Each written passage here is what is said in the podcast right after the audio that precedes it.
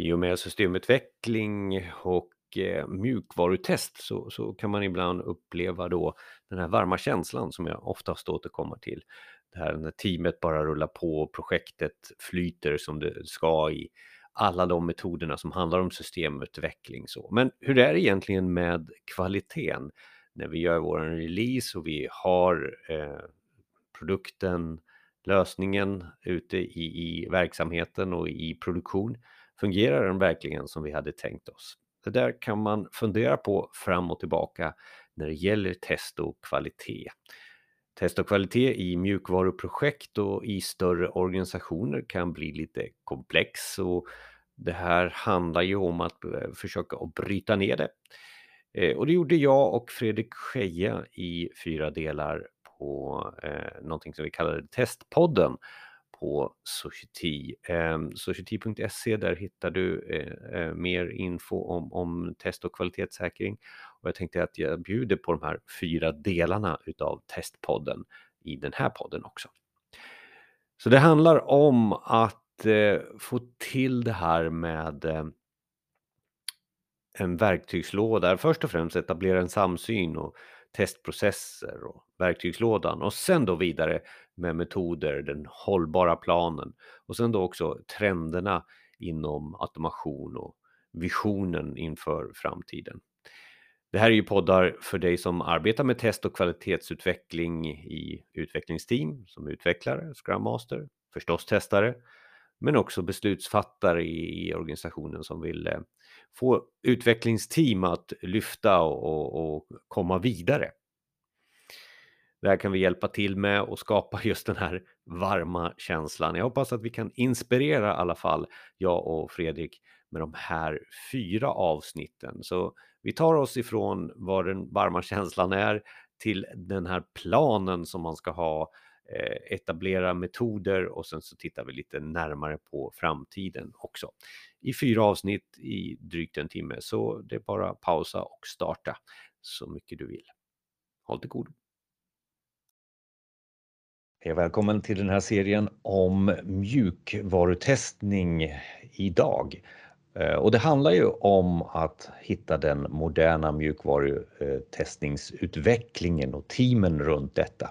Jag är Jonas Jani, jobbar som projektledare och Scrum Master. Och Fredrik, berätta. Jag heter Fredrik Scheja eh, och jobbar som rådgivare inom test och kvalitetssäkring på Society.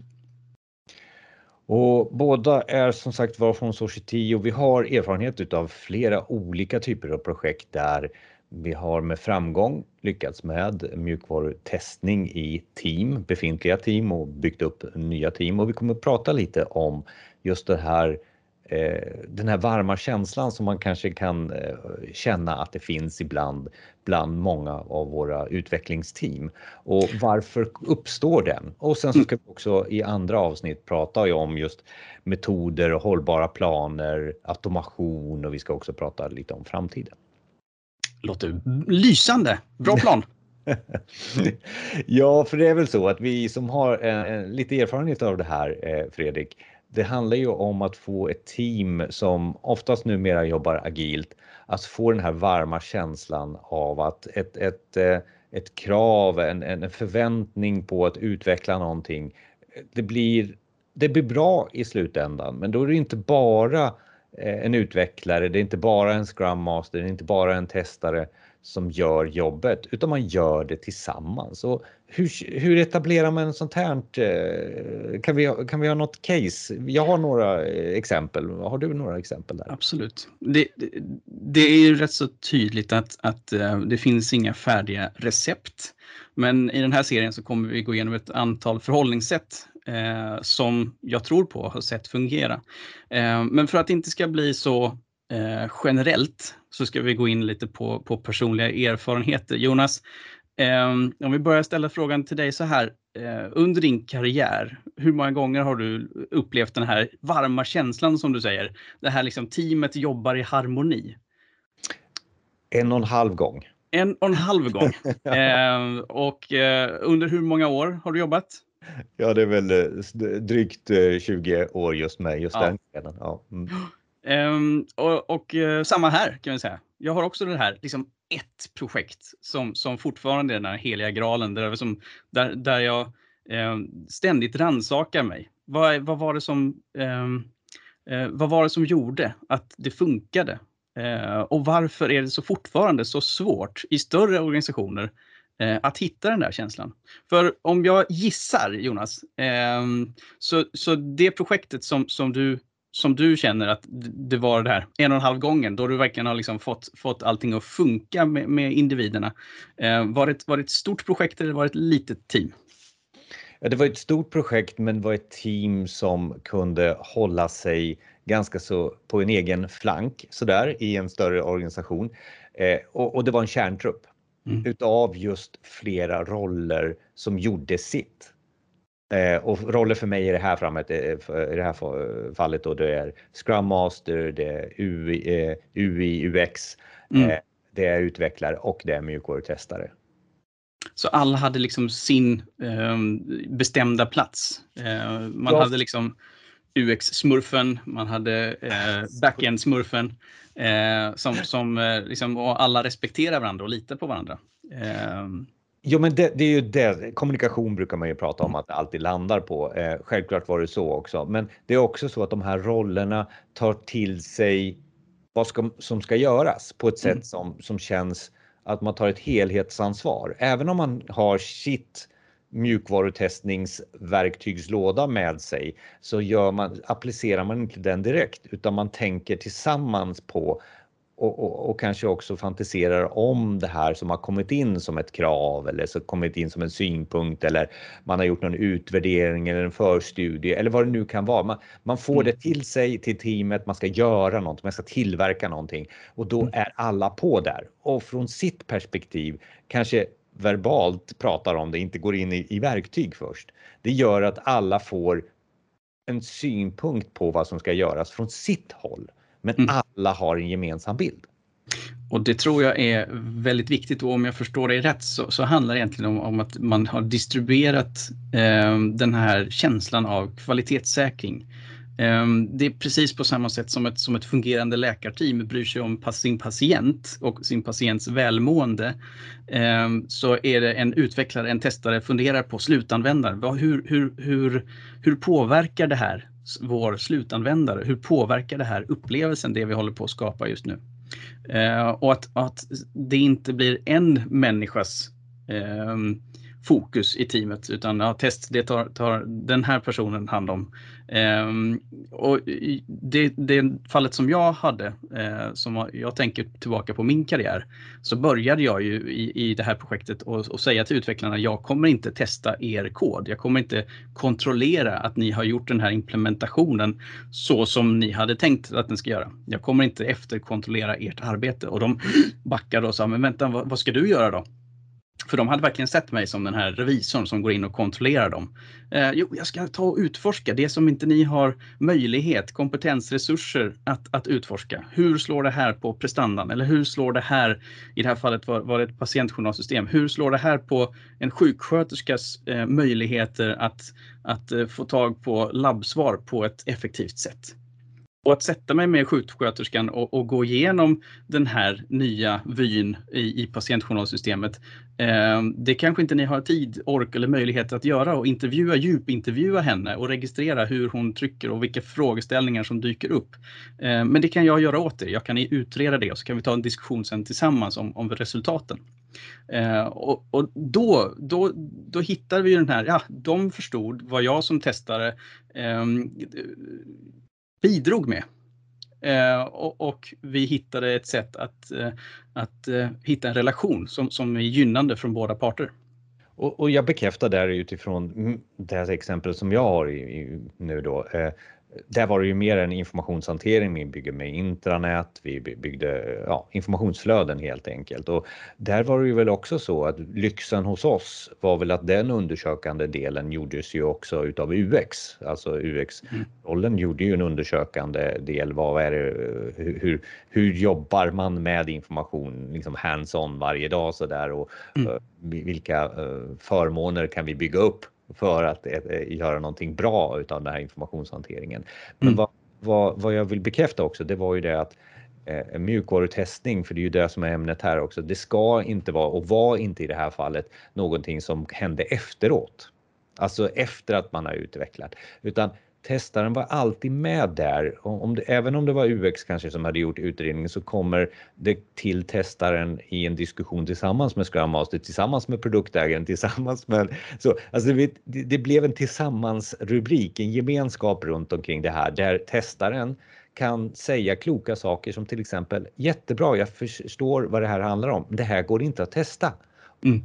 Eller när man kommer lite längre fram in i utvecklingsarbetet så kan en testare säga det här var inte det de frågade efter.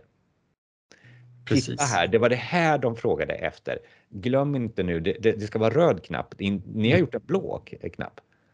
Ja, men det spelar väl ingen roll. Ja, så alltså en sån diskussion eh, eh, var väldigt varm och klok i, mm. i, i en sån diskussion och, och det gjorde att kvalitetsstämpeln fanns med hela tiden. Just det, och de här värdefokuserade dialogerna eh, som är så viktiga att få på plats. Eh, och jag tänker också på, på eh, den här synen på testaren som, som inte den där jobbiga människan som, som hittar alla felen, utan synen på testaren som, som utredaren, som utforskaren, eh, som försöker eh, wowa sitt team med intressant och värdefull information. Ehm, I mitt fall så, så, kunde vi avsluta det här projektet med patientjournalsystemet med att en utvecklare utbrast att man såg nästan fram emot att få en defektrapport skickad till sig. Ehm, för endast, eller alena den här diskussionen om den här defekten, ehm, den förgyllde min dag. Och det var väldigt poetiskt sagt av, av en utvecklare eh, kan man säga. Men, men det också satte fingret på att yes, jag och vi som hade jobbat med test i det här projektet har faktiskt lyckats att presentera värdefull information till, som stöttar utvecklingen. Men, men, samtidigt så är det ju så här, du, du, du kan ju, när du presenterar så kan det kännas lite flummigt, lite filosofiskt. Eh, mm. hur ska vi kunna etablera det här hos oss? Vi, vi ser fortfarande det som att vi har ett utvecklingsteam och sen ska vi tillföra test. Eller vi har test, men det är som ni säger, någonting som kommer efteråt. Alltså var, varför, varför är det inte är det inte väldigt mycket kommunikation, personligheten, hitta rätt eh, så också där? Absolut. Då, nu kommer vi in på problemställningen. Varför är det inte så här i alla projekt? Eh, vi sitter här och raljerar och säger att ja, men så här borde det funka. Men hur kommer man dit då? Eh, och, och, när vi pratar med intressenter ute på marknaden, ja men hur, hur kommer vi dit då? Eh, och det är det som det här samtalet eh, och den här serien av samtal ska, ska handla om. Eh, utan först så, så kommer vi också prata då om hur vi etablerar den här kulturen. När process och människa eh, jobbar ihop. Eh, och det handlar inte bara om att vi måste ha en testprocess som, som vi ska rulla ut utan det handlar om att etablera ett, ett sätt, ett förhållningssätt som funkar i gruppen för människan i, i de här projekten. Och vi kommer prata om den hållbara planen här i, i avsnitt två där, där vi kommer på det här med metoder och, och, och hur vidareutvecklar det, hur monitorerar vi och sånt där. Men ja. lite, lite, jag vill hålla kvar fortfarande, alltså nu har vi pratat om någon form av varm känsla, så här ska utvecklingsteamen byggas upp och, och så där vem är den här, för nu, nu, jag zoomar in på den här mjukvaruutvecklaren, eller mm. förlåt, mjukvarutestaren här då, mm. eh, som ska samarbeta med mjukvaruutvecklare, samarbeta med UX-are. Och det är ju inte en utan det kan ju vara två eller flera förstås. Men va, va, finns det någon typ person, eh, persona mm. eh, i det här? Man vill ju alltid hitta den här eh, herrreceptet direkt så. Absolut, jag brukar säga det. Vad, vad, är det för förmågor som en, en, en skicklig eh, kriminalinspektör eller polisassistent har som gör utredningar? Vad är det för förmågor som, som en, en skicklig eh, forskare har som, som forskar? Eh, jo, det är både den här att dyka, kunna dyka ner i eh, tekniken, i, i detaljerna. Eh, men sen är det den andra förmågan också och det var en, en, en fantastisk kommunikatör och kunna ta olika typer av människor och olika typer av dialoger oavsett om man pratar med en användare, en utvecklare, en projektledare eller, eller förvaltningsledare. Och då är jag ju nyfiken som ledare. Hur ska jag tänka? Dels för att hitta de här och dels för att styra dem till till det här? Vad, vad har du? Det är ju återigen inte ett recept som, som är så här, gör så här, men har du några råd där för oss som är ledare? Mm. Det finns ju så att vi, vi, vi, vi står oftast starkare på ett ben. Eh, många kanske kommer från det tekniska hållet men har insett att, att människor eh, också behövs för att det ska bli ett bra resultat. Och andra kommer mer från, från människohållet och behöver hjälp med det tekniska. Eh, så att stötta den här eh, utvecklingen hos eh, hos deltagarna i teamet. Att, att eh, eh, förstärka de förmågor som, som, vi, som behöver förstärkas, tror jag. Eh, och att inte se oss som, som färdiga eh, paket, eh, vi människor, utan vi är ständigt formbara, utvecklingsbara. Vi evoluerar hela tiden och lär oss nya saker. Eh, och då gäller det att, att våga utmana oss själva eh, till att eh, bli starkare på de sidor som, som vi kanske är svaga på. Innan vi avslutar det här avsnittet, vi kommer ju prata om just den hållbara planen, få en metod som jag nämnde. Vi kommer prata om automation i ett annat eh, avsnitt och sen pratar vi också om framtiden och försöker göra det så kort och koncist som möjligt. Men ska vi Tar vi någonting från det här avsnittet eh, Fredrik och vill du lägga till någonting? Det jag skulle vilja sammanfatta med är att det börjar och slutar med oss själva det kommer att vara tydligt då i de här samtalen som vi kommer ha att vi måste börja någonstans med att etablera eh, ett förhållningssätt hos oss själva. Eh, hur vi kommunicerar, hur vi jobbar i grupp. Eh, sen kommer vi prata om automation och verktyg och alla såna här coola saker som, som folk blir wow och, och, så och, och som tror är lösningen. Men sen kommer vi också avrunda och säga att vi som människor det är vi som är viktigast så att vi måste hela tiden eh, fundera på att utveckla oss själva tillsammans med maskinerna. Så att jag skulle vilja säga det, att, att vi kommer, eh, den här resan eh, börjar och slutar med oss själva. Tack så mycket Fredrik. Vi hörs i nästa avsnitt.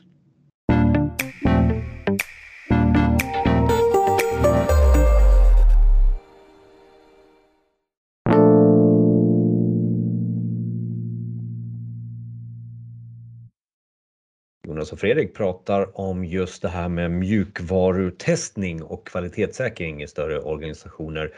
Och i avsnitt ett utav de här fyra avsnitten då pratade vi mer om just det här med målbilden. Jag brukar uttrycka det varma känslan. Hur skapar man det här i, i organisationer? Eh, vi fick med några olika exempel där i avsnitt ett, eh, Fredrik. Ja, precis. Och det ska också måla upp och illustrera den här, den här eh, varma känslan som, eh, som du uttrycker det. Eh, som vi, vi har båda exempel på eh, att vi har fått känna efter och känna av i, i, i mindre projekt. Men frågeställningen är ju nu, hur skalar man upp det här till, till, en, större, till en större organisation? Ja, och, och, man kan ju tycka att avsnitt ett då, det, att skapa en kultur, att skapa återigen varm känsla och sådär, kan ju bli mm. väldigt sådär flummigt sådär. Så att, ja. eh, hur konkret kan vi göra det här? Eh, vad är det, vart börjar vi någonstans? Vart finns det en struktur som behövs?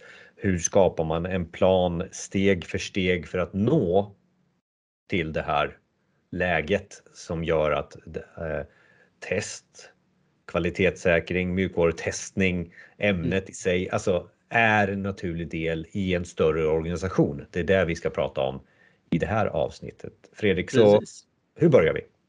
Ja, alltså många eh, kommer till mig och, och, och, ställer den här frågan. Var, var ska vi börja någonstans? Vilket, vilket, vilket testverktyg ska vi köpa in? Eh, och, och eh, jag måste tyvärr meddela att, att det är inte rätt ställe att börja på. Eh, det kan vara bra att utgå från det vi redan har, men vi måste först och främst säkra upp att det finns en, en gemensam plattform kring vad är bakgrundssyftet med test och, och hur hänger det ihop med kvalitetssäkring och hur hänger kvalitetssäkring ihop med utveckling. Men att, att ha den här eh, samsynen i organisationen är någonting som vi måste börja med. Eh, och därför brukar jag prata om att, att vi måste börja med att etablera den här samsynen kring vad är det för testprocess vi har, vad är det för metodik vi använder oss av eh, och att inte det ska vara en, en liksom hemlig verktygslåda bara för testare eh, utan att den ska kunna delas av alla roller i organisationen. Sen så vän av ordning så, så är ju det här flera olika steg lite och, och där vi hoppar in på här nu eh, för er som tittar också så, så är det en femstegs eh, plan egentligen här som, som vi visas nu. nu. Nu pratar du om steg ett det här. Precis. Eh, core team och, och, få dem att eh, vara verksamma och det är det vi fokuserar det här avsnittet på. För att i framtida avsnitt även prata om automation och kanske också AI och machine learning och sådär. Men mm. i det här avsnittet fokus på just det du säger, hur insteget att etablera, att skapa eh, organisationens mjukvarutestning och kvalitetsstämpel. Så. Precis, att, att man, jag brukar säga det som att, att etablera det stolta hantverket av, av test. Eh, och, och, få det att, att kännas och vara, eh, inte som den här revisorn, granskaren som kommer in i, i slutändan, utan eh, någon som jobbar i de digitala initiativen, i utvecklingsprojekten eh, med att ta fram och presentera värdefull information som stöttar utvecklingen. Eh, det är det som vi behöver fokusera på. För att jag tror att de som touchar eh, mjukvarutestning och kvalitetssäkring säger att trenden är automation. Dit ska vi springa så snart som möjligt och det är lite koppling också till det du mm. började med, med, med verktyget där. Men berätta nu då. Eh, jag vill ju veta alltid eh, en, en lista på hur jag ska göra, hur ska jag tänka. Eh, vi hade den här bilden Core Team Onboarding. Vad, vad, är, vad, då? vad är det? Precis, vad är det? Jo, det är i, i grund och botten så är det en handfull eh, testare som även har en förändringsledningsådra. Eh, och för att att ta fram en testprocess som, som eh, med boxar och pilar eh, och visa för folk eh, så här ska vi testa. Det, det, det genererar ingen hållbar eh, förändringsledning. Eh, utan det, oftast så brukar folk bara eh, vifta med handen och, och gå vidare i livet. Att så här, vi gör som vi alltid har gjort.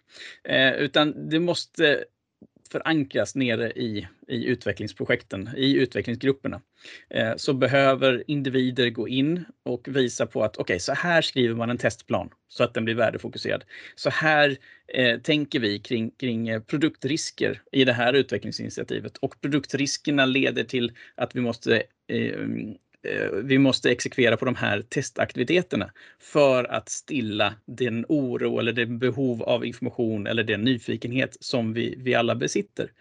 Så att folk i utvecklingsprojekten förstår vad är värdet som kommer utav test. Det är inte att hitta buggarna i slutet utan det handlar om att stilla nyfikenhet, stilla eh, ett informationsbehov så att vi kan känna oss trygga till, med lösningen. Och eh, om man eh, gör en, en, parallell till projektkontor eh, till exempel så är det ett sådant kontor utav människor som man ska skapa som, som, som, som eh, står för eh, syftet, metodstödet, eh, kunskapen, ja. trenderna. Och så. Men vänta nu, vän av ordning. Det här eh, har vi väl gjort tidigare. Alltså, här sätter vi ihop en liten grupp på hur många är det? Fyra, fem personer så. Ja. Och så ska de eh, sitta på sin kammare och komma på den perfekta. Här är det så här metoden ska vi in och det här verktyget ska in och sen så så så. Det har vi ju gjort. Mm. Ja, men var har vi hamnat någonstans? Ehm, det är oftast så faller man tillbaka när det blir stressigt och uppskalat till ett större ehm, projekt eller program eller utvecklingsinitiativ. Så, så, så, så börjar man att skapa det där eh, hjulet igen kring vad test är. Och det handlar oftast då om att utgå ifrån att vilka buggar ska vi leta efter i vilka faser? Och inte utgå ifrån informationsbehovet. Men att lära sig det som ett hantverk, eh, att titta på vilka intressenter har vi i utvecklingsinitiativet, vilka beslutsfattare, eh, formella såväl som informella beslutsfattare. Alla tar vi olika typer av beslut, förvaltningsledare, scrum masters, utvecklare, eh, testare tar olika typer av designbeslut, eh, releasebeslut. Och det gör ju att vi behöver inte bara leta efter buggarna, Eh, utan vi behöver titta på hur stillar vi ett informationsbehov? Vad är det som funkar och vad är det som inte funkar och vilken typ av konfidens har vi till lösningen? Vilken tilltro har vi till lösningen i slutändan? Men att kunna jobba med de här frågorna på ett professionellt sätt. Du menar alltså att eh, eh, vi lyfter blicken, vi tittar på visionen kanske för hela organisationen, hur kan vi tillfredsställa den? Eh, syftet, effekten utav det vi ska producera. Där ska vi skapa också eh, en, en, en, koppling till ända ner till, till vad det nu är för något testfall vi gör i slutändan. Absolut, för informationsbehovet bottnar oftast i eh, att se kopplingen mellan eh, en funktions eh, operativa, att den är kapabel att lever leverera information eller leverera funktion, men också information kring, kopplat till den här funktionen som, som säger att hur, hur förhåller den sig till våra, våra förväntningar kring prestanda eller IT-säkerhet och eller affärsvärde. Men att kunna rita upp den här kopplingen, att beskriva den och att säga att nu med den här nya funktionen som vi tar fram så kommer vi kunna eh, hämta hem den här eh, vinsten, men vi också gör det med tanke på den här risken. Och att kunna väga eh, de här två emellan. Men då har vi det här eh, core-teamet, de har suttit och, och traditionellt och tagit fram eh, tankar om, test men också kopplat till, till det här med syfteeffekten, eh, liten högre nivå ja. som kanske tidigare inte haft med sig. Men det är ju fortfarande en liten tankestudio så. Vi vill väl kanske att de får lite skit under naglarna också. Absolut. Det är som så att de här eh, operativa Eh, förändringsledare inom test som ska vara inne i, eh, i projekten och skriva testrapporterna, skriva eh, avvikelserapporterna, defekterna eh, och, och, kunna visa på att så här tänker vi eh, när det gäller ett effektivt sätt att hantera test och så här jobbar vi med den här informationen. Eh, så att det inte blir några akademiker som går vid sidan om och, och eh, påpekar saker, utan de måste, de måste göra och visa på eh, hur man operativt löser testuppgiften på ett effektivt sätt i projekten. Så att också alla runt omkring får se att aha, det är så här det, det funkar med test. Så du menar på, eh, och det var lite koppling till vårt eh, första avsnitt också där, där, vi, där vi pratade om just när det här har varit lyckat. Det är när de mm. här människor som, som just har, har, har gjort testplaner och, och, kanske har jobbat några år med, med eh, som mjukvarutestare, testledare eller någonting, även går ner i ett scrum-team som tidigare kanske inte har jobbat med kvalitetssäkring på det sättet och skapar sig själv en roll som testare. Mm. Bland de övriga i teamet skapar man en kultur runt kvalitetssäkring. Eh, tar sig an eh, de task och, och, och, de avslutade releaserna som, som finns, de krav som finns på det sättet som funkar för den, det teamet men också är kopplat till vad man nu har tänkt sig för, för det här gold. Ställer de kloka frågorna som du var inne på där. Absolut. Eh, och, och, vi som, som testare, vi vet ju vilka frågor vi ska ställa. Eh, vem behöver den här informationen? Vem behöver ta ett visst typ av beslut? Och vilket typ av informationsbehov är kopplat till det beslutet? Och då vill, veta vilka aktiviteter vi måste få till för att ta fram informationen och sen rapportera tillbaka. Och då är frågan också, behöver vi eh, testdata? Behöver vi eh, eh, användare som vi kan testa sakerna på? Behöver vi prestanda testverktyg? Men att kunna ställa de här frågorna också till, till utvecklare och till Scrum Masters och, att, och att kunna utgå ifrån deras synvinkel och också förklara det här att vi måste göra det här för att känna en tillräcklig typ av konfidens, tilltro till lösningen. Och samtidigt måste jag bara också med min erfarenhet utav att skapa det här inte säga att det man ska skapa i ett scrum till är det här att inte ha vi och dem. Alltså jag Absolut. utvecklare och så får du testa det. Det blir ju inte vi och dem utan eh, eh, eller eh, jag och dem. Vi ska hitta ett vi här i, i, i det här. Helt och rätt. Det som hela tiden är både på, på lågt och högt i, i den här kvaliteten som du eh, ska etablera. Absolut. Eh, och det kommer vi se nu senare när vi går vidare i vår, i vår roadmap kring hur vi, hur vi, eh, hur vi mognar eh, testområdet i organisationen. Eh, så kommer eh, rollen testare att, att sakta men säkert kanske inte försvinna, men transformeras till mer en utredare eh, i slutändan som jobbar med komplex analys av, av svåra frågeställningar. Inte är det här ett tecken, är det här ett, ett fält som har programmerats och kan ta in 256 tecken? Eh, för det kan, sådana enkla saker kan, kan maskiner kolla åt oss. Det är i framtida avsnitt, men här och nu och, och vi eh, lovar ju också det här med receptet på, nu har vi pratat väldigt mycket, men jag tror också att eh, man ska ha den här listan framför sig. Okej, okay, vad är det för någonting? Vad är syftet? Vad är det Precis. för någonting vi ska leverera? Eh, ja, eh, och vi har en, en, en lista här eh, som, som, som du har tagit fram på hur man ska etablera. Så, så berätta lite mer och tänk också på att de som inte ser eh, vill ha det verbalt. Mm. Precis. Och det här är ju, det kan ju anses lite, lite torrt och tråkigt, men det handlar egentligen om att, att eh, visa på vad glädjen, vad syftet, vad nyttan, vad den här varma känslan med test eh, kan tillföra en organisation. Eh, så att man skapar ett enhetligt sätt att se hur man ser på test och kvalitetssäkring genom organisationen. man hjälper folk att ställa rätt frågor vid rätt tidpunkt. Ehm, men när man gör det så tar man också fram eh, eh, processer och mallar som folk kan använda och återanvända i organisationen. Eh, det som är de, de tjänster som du så, så, så, klokt poängterade, det känns lite som ett projektkontor det här. Men de tjänster som vi kan leverera och vad vi kan erbjuda som en buffé till utvecklingsinitiativen är ju att vi kan, vi kan arbeta med strategisk coachning kring kvalitetssäkring, eh, vara en samtalspartner kring hur man, hur man kan tänka, men också ta testledningsuppdrag, eh, hålla riskworkshops eh, så att vi kan eh, kicka igång de här diskussionerna om vad är produktrisker och varför pratar vi om det och vad är det som är viktigt med dem. Eh, och, och, även håll, titta på hur vi, vi jobbar med avvikelser, defekter i vår, vår organisation. Hur den här viktiga biten av information flödar genom, genom organisationen. Eh, titta på testmiljöer och testgenomförande men operativt göra testerna.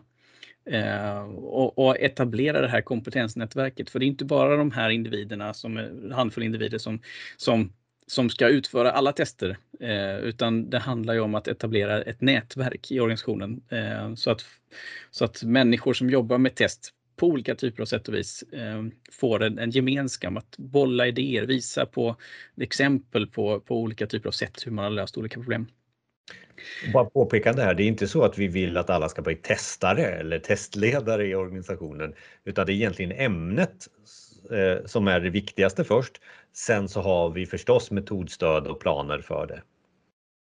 Ja, men och det handlar ju inte som om att, att alla måste testa, men alla ska lära sig att förhålla sig till test på sitt sätt och hitta sitt sätt att förhålla sig till test. Och det som finns på den här sliden också, det är variabler, leverabler i, i det här och det kanske där många tänkte sig att vi skulle hamna eh, som nummer ett. Liksom. Sätta upp testplaner, testfallsbeskrivningar, mm. testrapporter. Det är väl det här traditionella test, testledande.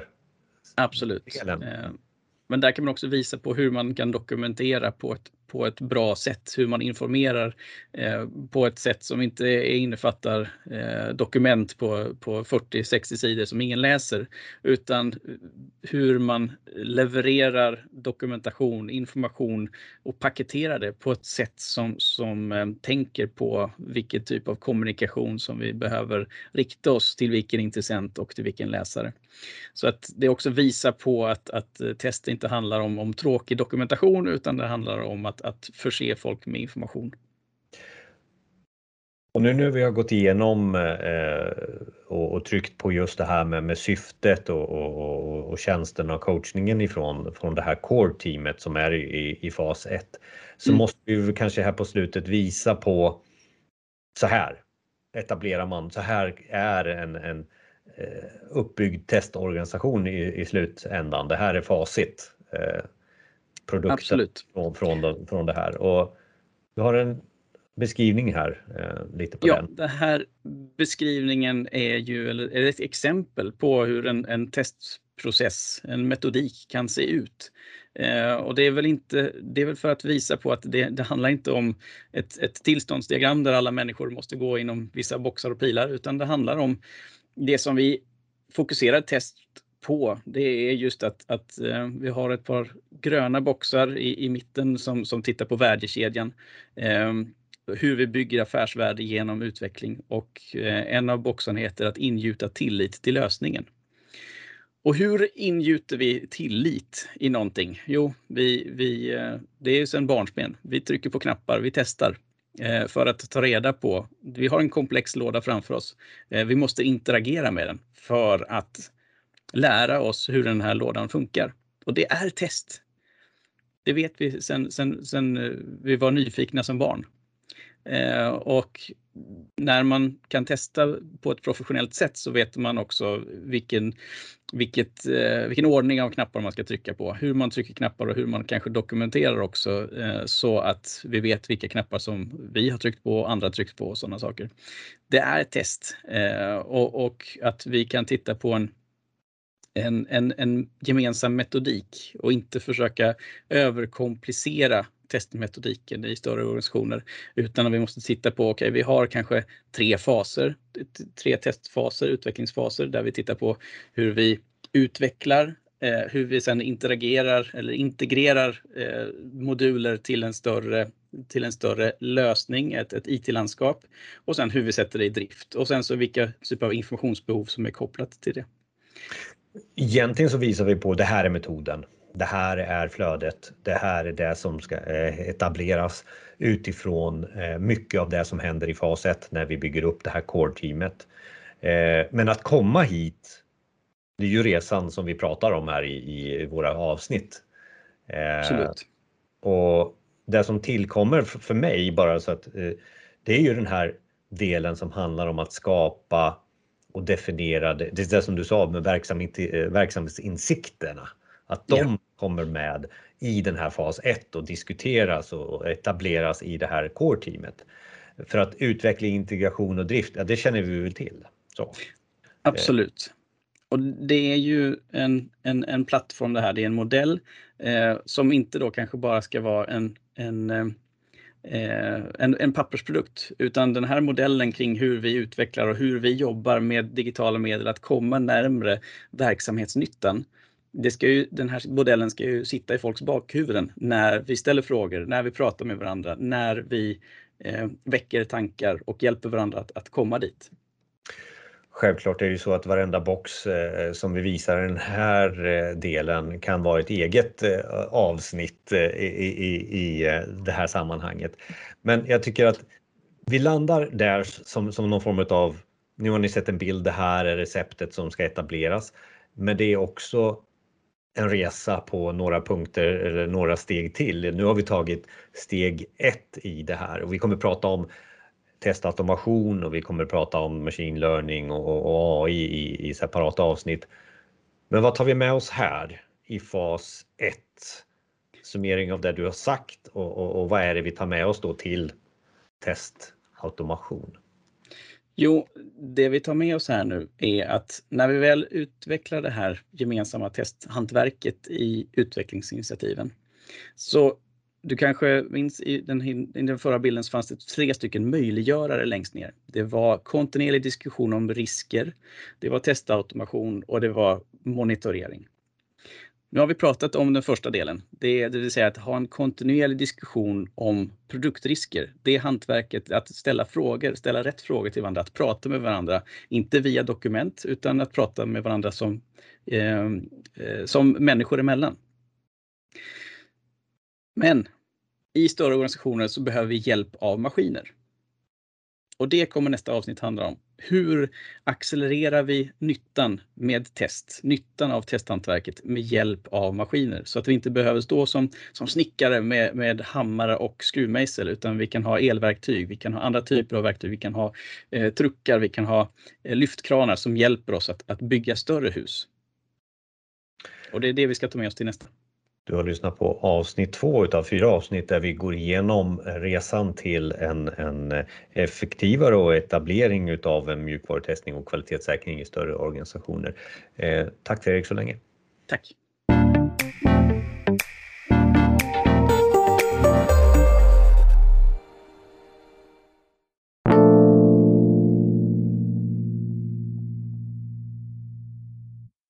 Då Jonas och Fredrik fortsätter en serie med just det här med att skapa test, kvalitet i mjukvaruprojekt i större organisationer mm. så har vi nu kommit fram till tredje avsnittet och du är liksom på tå här Fredrik. Just det här med automation, ett ämne som när man pratar om test eh, så, så, så är det väldigt, väldigt många som pratar om testautomation just nu. Eh, och man vill springa dit väldigt, väldigt snabbt. Och nu är det tredje avsnittet här. Varför sa ni inte det här i första avsnittet? Etc. Kanske eh, de som, som följer serien här. Eh, vi, vi, vi, är på, på, på automation idag och diskuterar det och vi kommer också i nästa avsnitt att prata om just machine learning och kanske framtiden för AI i, i det här också. Men nu sätter vi scenen här och nu Fredrik för automation. Berätta lite hur, hur dina tankar är. Precis. Och det är ju som sagt, vi måste först eh, börja etablera en, en, en sund testprocess och det är det vi pratade om förra avsnittet. Eh, när vi har gjort det, när vi vet var, varför vi skapar testplaner och hur de kan tänkas se ut, hur vi, vi skriver våra testspecifikationer och hur vi jobbar med test och skriver en bra defektrapport som, som erbjuder ett informationsvärde till, till utveckling Ehm, så, så när vi har gjort det, när vi kommit dit att vi förstår vad det är vi sysslar med eh, i projekten så, så behöver vi accelerera vår förmåga med hjälp av maskiner. Och, och, de orden är väldigt viktiga att lyssna på där. Accelerera vår förmåga med hjälp av maskiner, inte ersätta testarbetet med maskiner. Det är en, en, en distinkt skillnad där. För att när vi sitter och tittar och jobbar med test så, så ja, vi tittar på vilken typ av eh, frågeställning vi ska testa. Eh, vi, vi skriver kanske eh, eh någon typ av förberedande ansats kring att jag vill testa det här, ett testsyfte. Eh, vi, vi skapar en, en eh, konfigurerar upp testmiljön, skaffar testdata. Eh, vi exekverar vår, vår vårt test och sen så eh, extraherar vi insikter ur det, skriver testrapporter, defektrapporter, avvikelser och sådana saker. Och det kan ju vara en väldigt eh, långsam process. Det kan ta kanske två, tre dagar att, att, att utföra ett, ett, större test. Eh, och det, syftet med, med den här fasen är att man tar in ett gäng verktygsmedel ehm, ett, ett, utvecklingsteam som bara fokuserar på hur kan vi korta ledtiden för att exekvera tester. Vad kan vi göra för att accelerera förberedelsearbetet, eh, exekveringsfasen och eh, den avslutande fasen när det handlar om rapportering till olika typer av instanser. Så att man, man tar in eh, utvecklare, man tar in RPA-utvecklare, eh, testautomationsexperter för att bygga upp det här ramverket som, som kan accelerera den här, eh, den här processen. Eh, men då, och då måste vi då ha ett, ett, ett, bra samarbete. Vi måste veta hur vi testar och kunna förklara det. Att jo, men så gör jag det här och jag, tar, jag behöver den här typen av testdata. Och då ska ju då den här gruppen eh, av utvecklare förstå att okej, okay, men den där testdatan det skulle vi kunna eh, skapa maskinellt. Du behöver inte eh, knappa eh, manuellt och, och, och, föra in de här värdena i den här eh, i system A och, och så ska vi få ut det i system B. Utan det är någonting som, som bara du skriver din intention kring att jag vill testa det här så ska maskiner kunna förstå din intention och eh, spinna upp en testmiljö med rätt testdata eh, på kort tid. Och på det sättet kan vi korta ledtiderna för test från, från två, tre dagar till, till en eftermiddag kanske. Och det sista du säger där blir ju intressant och många zoomar in på det. Men jag vill börja med, du började egentligen att säga så här. Respekt för att vi ska bygga upp en test process och testplaner, alltså det som är go-to för all typ av kvalitetssäkring i mjukvaruprojekt. Så. Men du tillför någonting nytt och, och kanske också från ett helikopterperspektiv på de här processerna. Förbättra, förbättra, förbättra pratar du om. Det här är, det här är min, min, syn på vad du, mm. du, du sa där. Men jag vill ju veta mer i detalj, liksom hur, hur gör jag det här? Alltså automation, eh, vadå? Det är väl bara, det finns ju verktyg som gör det här i de testverktygen vi har idag. Ska det är det inte bara dem vi ska använda oss utav här eller? Det kan vara alla typer av verktyg. Eh, jag brukar säga att testautomationsverktyg, det är ju alla maskiner som kan hjälpa oss att ta fram information om systemet som vi testar. Eh, så att utvecklings, ehm, ekosystemet, utvecklingsverktygen, e-, utvecklingsmiljön som vi jobbar i, ska ju också kunna ses som, som ett testautomationsverktyg.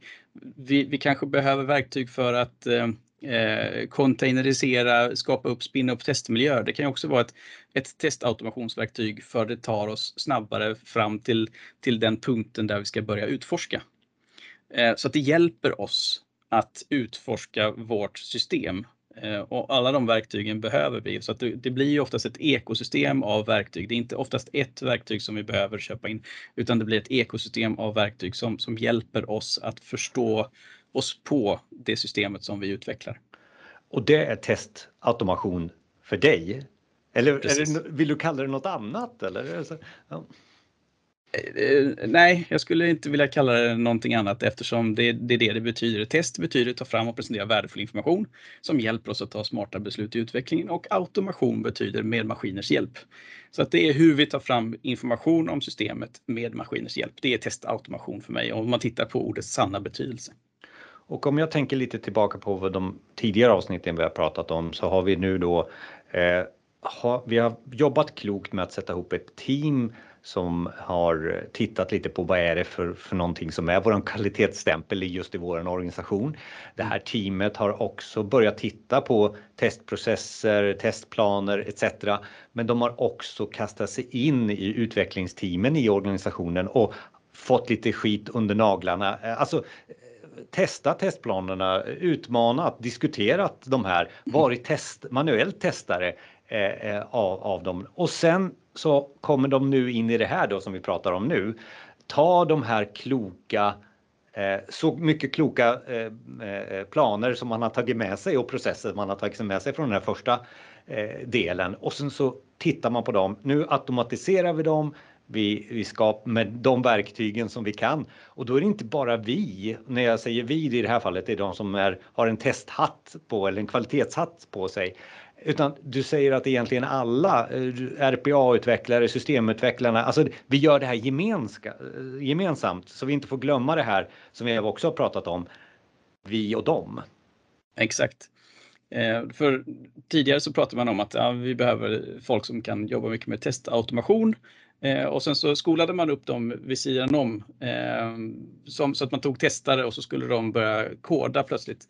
Eh, men testautomation är en utvecklingsuppgift. Det är viktigt att man har en, en utvecklare, att man kan hantverket kring utveckling. Ehm, och, och, därför så ser jag det som att man, när man jobbar så, som testare så, så, så, vet man vad det är jag gör för att utforska systemet.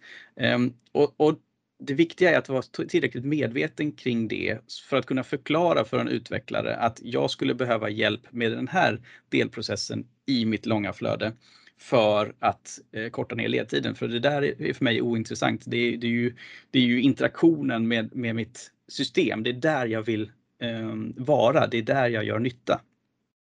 Så om man har då en, en utvecklare som skulle kunna lösa de här sakerna för mig som testare eh, så hade jag kunnat göra mitt jobb eh, snabbare, bättre. Och om vi tittar på vad utvecklingen vinner av det här för positiv effekt så pratar vi då att det blir snabbare återkoppling. Du har byggt eh, det här, vi har byggt det här, den här lösningen, den här nya funktionen. Eh, och den funkar så här. Det funkar bra på det här sättet men vi har vissa typer av riskmoment eller avvikelser som vi kanske behöver hantera innan vi kan eh, premiera detta och förflytta det till, till, nästa, eh, till nästa miljö eller ut i produktion.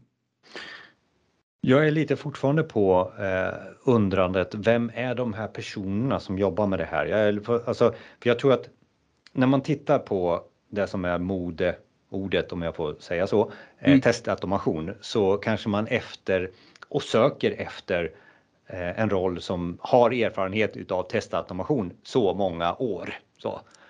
Ja, vi fick en sån. Nu är det klart. Det, nu kommer det att funka mm. med testautomation. Eh, jag hör någonstans ditt svar säga nej. ja, men det är väl ungefär samma sätt som att eh, vi söker en utvecklare. Eh, och den här eh, idén om att ja, bara vi har en, en, en fullstack utvecklare så kommer allting att lösa sig. Det är ungefär samma eh, samma livslängd kan man väl säga, eh, som, som man kan lura sig själv med. Eh, testautomatiserare är precis lika eh, diversifierade som utvecklare är. Eh, och, och, vissa är väldigt bra på att titta vilka eh, skript vi exekverar i en exekveringsfas i, i, i, i testen eh, och kunna ehm, eh, formulera om dem as code. Men andra testautomatiserare är, är briljanta på det här med förberedelsearbete, eh, syntetisera data, eh, ta fram snabba och spinna upp samma test, snabba testmiljöer. Och, och, andra är, är mer inriktade på hur visualiserar vi resultaten, dashboarding, monitorering av, av olika typer av produktionsprocesser och sådana saker. Så att det är ju en extremt bredd flora av eh, testautomatiseringsresurser där ute. Och det gäller att veta hur man kan eh, hur man kan använda de här personligheterna i, i, bästa, i bästa sätt, på bästa sätt. Ska vi summera lite och, och för er som tittar så, så lägger vi upp en, en, en slide här. Eh, du får gärna prata på, på, på den här sliden och, och liksom summera också vad vi, har, vad, vi, vad vi pratar om för syfte, vad det är för någonting vi, vi ska göra för typ av tjänster eller mm. utföranden och, och vad vi får ut. Exakt. Och syftet med den här automatisering och robotiseringsfasen då, det är ju att accelerera vår testförmåga med hjälp av intelligent automation. Eh, och, och, som jag var inne på tidigare, det är ju ett test eh, innehåller olika typer av eh, delmoment. Och det gäller att titta på hur kan vi, eh, hur kan vi accelerera vart och ett av de här delmomenten med hjälp av maskiner. Eh, från design, spes exekvering och rapportering. Och det gör vi då genom att vi tar olika, fram olika typer av ramverk till testautomation eh, så att vi kan stoppa in eh, ytterligare skript och, och, så, så att vi kan exekvera. Eh, men det handlar också om att titta på hur kan vi kanske accelerera eh, översättningen från ett, ett, en kravspes till eh, en, en testspes eh, på ett effektivt sätt. Eh, hur kan vi koppla in smarta Eh, tester, små tester i en CI-CD pipeline eh, så att vi får ut information när, så fort en, en utvecklare trycker på, på deploy eller commit code så, så, så, får vi ut information om hur det kan påverka systemet.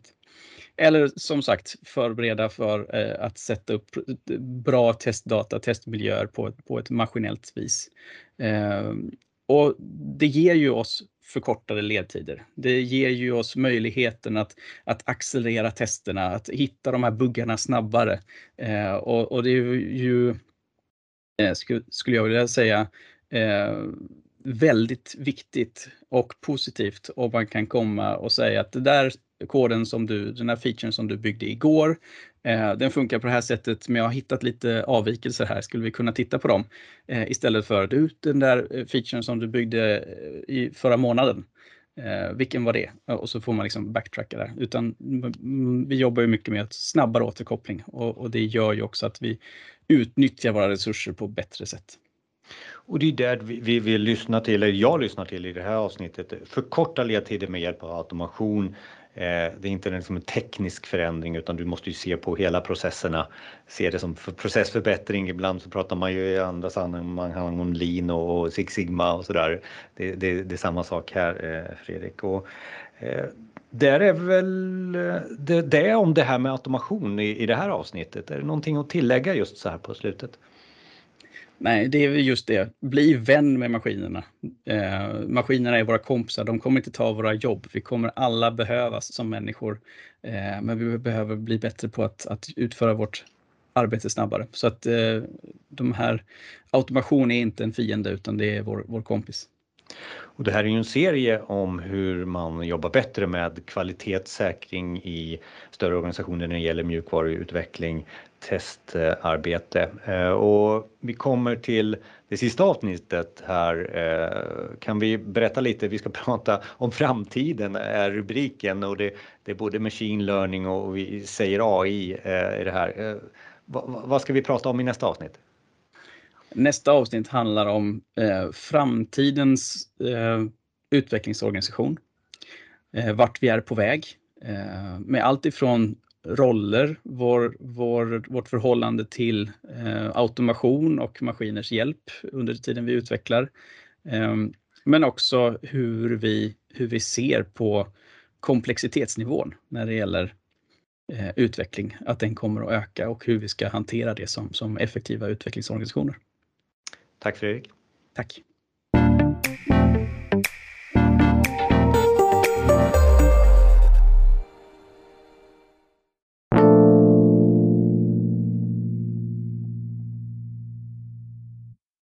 Jonas och Fredrik här med just eh, den hållbara mjukvarutestningsorganisationen. Eh, det handlar om mjukvarutestning. Det handlar också om att vi har haft en del avsnitt där vi har pratat om Ja, vad är det vi, vi har pratat om om vi skulle summera de tre föregående avsnitten här?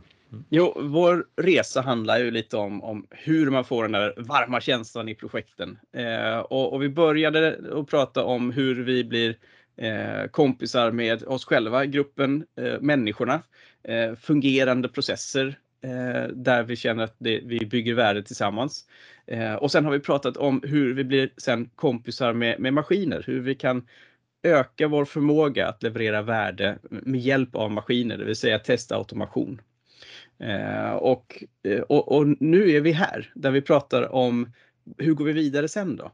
Eh, och, och, det är ju det som är lite intressant.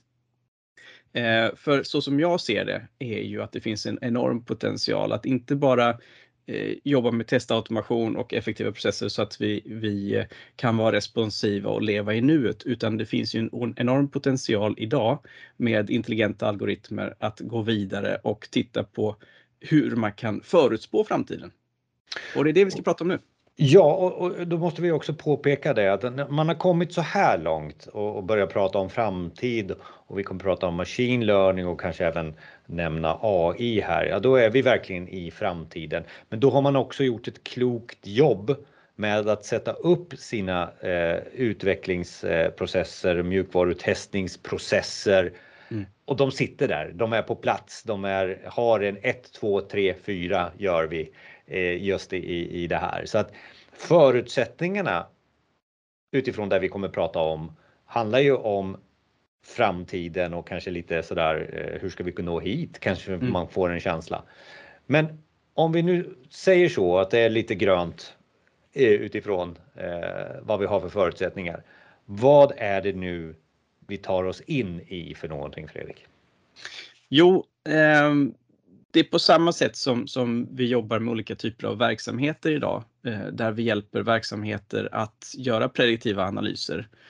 Eh, till exempel Region Västerbotten, eh, att göra prediktiva analyser kring hur mycket resurser och personal och, och eh, vårdplatser vi behöver eh, framöver eh, på, på intensiven. Eh, så på, på, samma sätt så kan man jobba med mjukvaruutveckling, att göra prediktiva analyser, att, att se eh, att, att inte att saker och ting har gått sönder utan att det finns eh, spårämnen i vårt digitala systemlandskap som, som gör att vi ser att det kommer att eh, spricka eh, prestandamässigt eller funktionsmässigt om ett par veckor. Att vi ser de här måste säga, teknomarkörerna redan innan eh, och, och kan göra prediktiva analyser och ha det som ett beslutsunderlag. Eh, att göra verksamheten, utvecklingsverksamheten prediktiv istället för reaktiv. Utveckla lite vidare för det blir ju snabbt lite science fiction på, mm. på det här eh, som du mm. säger. Eh, kan du, kan du exemplifiera mer? Och... Jag skulle säga det som, det som triggar många utvecklare är ju när jag kommer in i, i ett utvecklingsteam och säger vad händer om vi vi, eh, ni, vi, ni, vi utvecklar ett, ett bra digitalt system här eh, som ska bygga värde. Vad händer om vi samtidigt också bygger en, en simulator runt omkring den här eh, enheten som den här funktionen som, som ni skapar. En simulator som ni kan sätta er digitala produkt i för att se hur den reagerar mot, mot olika typer av sti stimulans. Eh, och då ser ju, då ser ju utvecklaren i, i regel som, det här blir ju coolt då, för det blir ju någon typ av, eh, de tänker sig Microsoft Flight Simulator, liksom. att nu ska vi liksom provratta och köra och, och se hur, den, hur, hur verkligheten kan te sig eh, för det här systemet som vi utvecklar. Eh, och det triggar ju en, en utvecklarhjärna.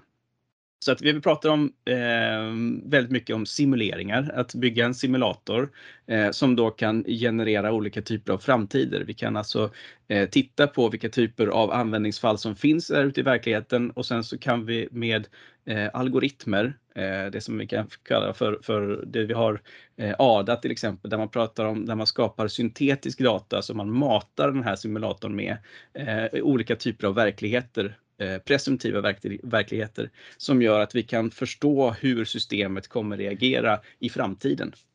Men, men stopp lite där för att nu, det, det som oftast blir problemet när man pratar om just det här att eh, simulera och, och jobba, mm. det är ju så här, har vi tillräckligt data för att kunna börja simulera och tänka på simulering? Och där är alltid svaret, i min erfarenhet i alla fall, nej det har vi inte. Vi får vänta i sex månader tills vi har samlat på oss det här eh, eh, materialet. Nu bara för att påpeka det du sa, mm. syntetisk data. Mm. Kan, vi, kan vi zooma in där? Vad, vad med, bara så förklara lite mer där på syntetisk data. Ja, då menar jag ju då att ja, det är väl oftast som så att vi, vi kanske inte har den mängden med data som de här algoritmerna kräver för att matas med eh, så att de här simuleringarna kommer igång. Eh, och då måste vi förstärka eh, den datan som vi har, eh, olika typer av permutationer på den här datan eh, och vi har den här tekniken. Vi har ju till exempel deepfakes och, och, och alla de här algoritmerna som gör att vi kan eh, fylla igen de hål som saknas så att vi får en datapool av indata som, som faktiskt är eh, tillräckligt stor för de här simuleringarna eh, som, som kan då konsumera den här datan eh, och vi kan då prognostisera och se hur systemet kommer reagera om ett halvår eller ett år eh, beroende på olika typer av variabler. Så att om jag skulle ta och exemplifiera det här och kanske till ett exempel som många kan förstå att det är ett problem. Till exempel om vi jobbar med mjukvaruutveckling och ska testa patientsystem eller känslig mm. data. In, för du tog ju uh, en region här som ett exempel tidigare. Eh, ja. men, men alltså, då skulle man kunna skapa eh, personnummer mm. till exempel eh, fejkade i en syntetisk väg, men de följer den standarden som har med personnummer att göra, att man kan räkna ut det och etc. etc. Och sen så kör man simulering på mängder utav sådana istället eh, för att man håller på och pillar i, i, i testdata som man, som man hade någonstans. Eh, så. Eh, det kan skapa eh, förutsättningarna för att göra bra algoritmer.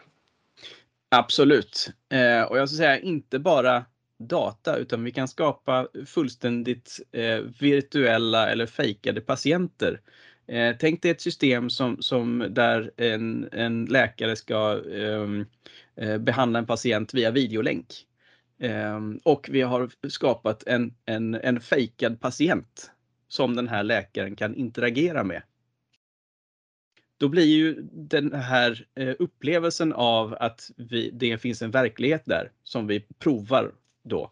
Eh, och vi kan suga ut en massa data om, om hur den här behandlingen gjordes, eh, om den blev lyckad. Eh, vi kan på det sättet provköra ett system som kanske eh, vi inte eh, visste tidigare att det skulle funka. Eh, så att det handlar ju också om att vi kan provköra ett system som kanske inte finns eh, på fejkade patienter. Och då kan vi ta fejkade patienter gånger två miljoner för det är det vi har. Det är så vi kan skala vi, upp det. Och då kan vi skala upp det och skapa någon form av predictions eh, på, på, på det här när det gäller mjukvarutestning. Det här är ju så intressant. Det är lite abstrakt.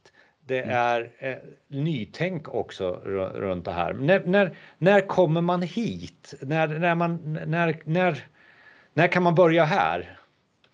Det fina med det här är att man kan börja redan idag. För det här är ett hantverk som man behöver lära sig. Man behöver få in det här mindsetet att det finns den här kapaciteten, det finns de här verktygen, det finns de här eh, kompetenserna där ute på marknaden. Så det gäller att knyta till sig de här personerna, kanske starta ett litet team eh, som börjar titta på och göra några typer av proof of concepts eh, för att ehm, för att visa på potentialen i det här.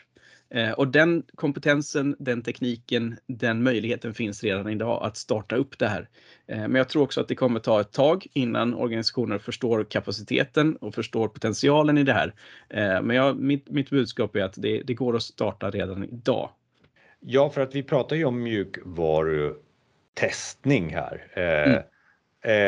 Så att de rollerna som vi känner till idag som testare, testledare, mm den som jobbar med testautomation kanske dels behöver uppgradera sig själv, men också tillföra ett team av data engineers, data science. Absolut. Det är väl lite där du, du pratar om här också. Mm. Och jag tror att rollerna kommer förändras, inte bara till, till, eh, till namnen. Eh, jag tror att det vi idag menar med och pratar om, om testare eh, kommer växa in i en roll i det här eh, som är mer vetenskapsman, eh, mer eh, forskare. Eh, jag brukar kalla det för en digital utredare som tittar på olika typer av forskningsfrågor, eh, tittar på vilken data vi har, extraherar analyser och insikter ur den datan och sen så kommer med, med en, en forskningsrapport istället för en testrapport. Eh, och, och, det kan ju svara på sådana forskningsfrågor kring hur vårt patientjournalsystem eh, motverkar Ehm, eh, obalanser i jämlikhet i vår population. Det kan vara, eh, är, så att säga, är vårt system Eh, robust? Är det datasäkert? Eh, motverkar det ojämlikheter i samhället och sådana saker? Eh, sådana frågeställningar som är, är, svåra för maskiner, om inte omöjliga för maskiner att, att svara på. Men vi som människor kan, kan utforska de här typerna av frågeställningar. Och det är väl intressant också, och det här är ju inte någonting som man blir färdig med för att det här är ganska nytt och, och, och exemplen eh, kanske inte är riktigt, de, de, de, finns där så man kan få ett kvitto på att ja, det här fungerar. Eh, men, men skulle man titta lite på det och summera lite från vårat perspektiv eh, så för er som, som tittar ser en, en slide nu som summerar lite eh, hur, vi, hur man tar det här vidare. Absolut, det handlar ju om att, att sätta ihop ett team eh, av, som du sa, data engineers, eh, utvecklare, automationsutvecklare, eh, eh, men även testare eh, som, som har ett, ett tekniskt sinne. Eh, och sätta upp den här gruppen som kan då eh, hjälpa till med syftet att, att förstärka förmågan att, att generera prediktiva analyser och simuleringar ehm, och det behövs ju då eh, olika typer av coachningstjänster, workshops för att hitta de här olika typerna av hypoteser kring hur vi kan skapa de här proof of values eh, och sen sätta dem i, i praktiken. Att verkligen utforska den här eh, tekniken för att eh, visa på potentialen. Eh, och jag tror att det, det, är här någonstans man måste börja. Så jag tror det som sagt eh, börjar, eh, kan, kan börja påbörjas redan idag. Men det är ju också så att, att ta det här vidare eh, kommer ju ge snabbare resultat, snabbare värden utifrån den utvecklingen man jobbar med. Eh, och det är väl lite dit vi vill komma, att ta snabbare datadrivna beslut. Ja, eh, och eh, slippa killgissa. Jag tror att eh, vi, vi behöver eh, köpa in en sån plattform. Eh, och inte bara att behöva så att säga, lita på den, den känslan utan även kunna titta på simuleringarna säger att pekar i samma riktning som vår känsla. Eh, och att det bygger en, en högre grad av, av konfidens i våra beslut. Och jag tror att det är den tryggheten vi behöver som, som, som människor när vi jobbar med de här avancerade frågeställningarna. Du som har lyssnat på alla våra fyra avsnitt, tittat och lyssnat om du så vill, eh, har fått en eh, tanke, en idé om hur man lyckas med mjukvarutestning i, i större organisationer. Eh, och vi har också med det här avsnittet lagt på kanske lite det, av det här med framtiden. Men Fredrik, kan vi kort bara eh, summera alla de här fyra avsnitten så här på slutet från din, ditt håll? Ja, de här samtalen handlar ju om, eh, om oss själva, om hur människor eh, ska kunna känna sig trygga eh, i, i en mjukvaruutvecklingssituation eh, och hur vi steg för steg kunde kunna eh, mogna in, in i det som, som en organisation. Eh, och det börjar och slutar med oss själva, för maskiner kommer aldrig eh, på något vis ersätta oss människor. Eh, det kommer bara förstärka vår förmåga Eh, att kunna ta smartare, snabbare beslut eh, baserat på mer och mer eh, eh, kvalitativt beslutsunderlag skulle jag säga. Och det är det som test handlar om. Kvalitetssäkring handlar om, om det att just ta fram och presentera värdefull information som stöttar beslut i utvecklingen. Vi hoppas att de här avsnitten har gett er värde. Vi hoppas också att de har gett en, en tankeställare om hur ni ska kunna göra detta i er organisation. Eh, kontakt till oss finns förstås eh, och ta gärna det här vidare tillsammans med oss eller med de som, som känner att det här är någonting som är framtiden när det gäller mjukvarutestning. Eh, tack så mycket Fredrik! Tack!